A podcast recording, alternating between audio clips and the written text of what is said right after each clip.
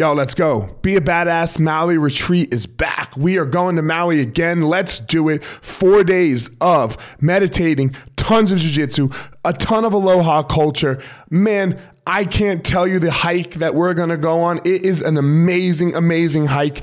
Go to my website, elliottmarshall.com. Click on Be a Badass, click on retreats, and you will see right there the Be a Badass Maui retreat.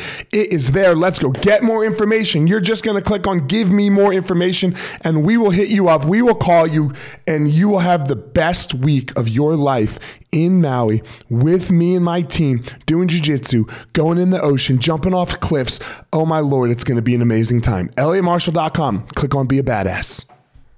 Yo, what up, my ninjas? We're back another week. Here we are, being a badass financially, right? Putting this whole being being a badass together. Remember why I'm doing it? Uh, it's because everyone that comes into my world in some way uh, that wants anything to do with me is like, yo, how do I be a badass? They don't say these words, but it is. Uh, it's what I get asked a lot in when I when I look at what it is that people kind of come hang out with me for. They want to be a badass. They want to live a good life. They want to do what they want. They want to have purpose. They want to learn to beat people up. You know, I won't say they won't.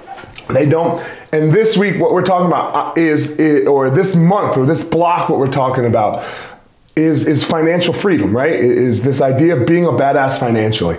Last week we started to say, okay, we started tracking, okay? We started tracking. We talked about tracking where it is you are.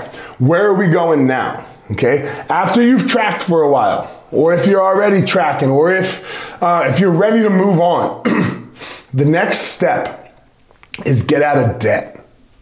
Okay? The next step is to have very little or what I like to call bad debt. Okay, bad debt.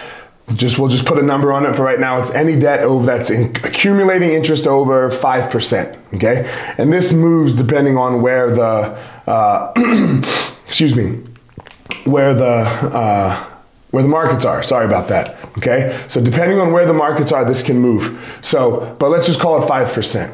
Get out of debt. Okay, save money and pay off your debt. Stop going out. Stop spending money on shit you don't need and pay down your debt.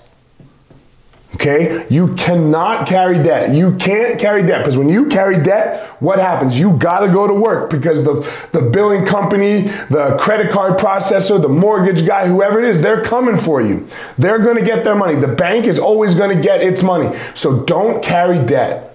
Before you save, you can't save while carrying debt. Why? Because remember, saving accumulates 0% interest. And your debt of $1,000 accumulating 5% interest, that's some money. It's 50 bucks. Okay? That's 50 bucks. Or yeah, something like that. I don't know what the number is. I did math in my head real fast. But it's something. So you're losing money. Right? You're losing money. That's why saving doesn't come before debt relief. But to do this, you got to get in the mindset. You got to get in the mindset of what it is you actually need in your life, not what it is you want to spend money on in your life, not what it is you want to go do or where you want to go out to eat.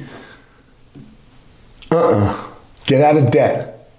Stop spending money on shit you don't need. That way you can be a fucking badass. Let's go. Discover your passion, find your power, go give your purpose to the world, my ninjas.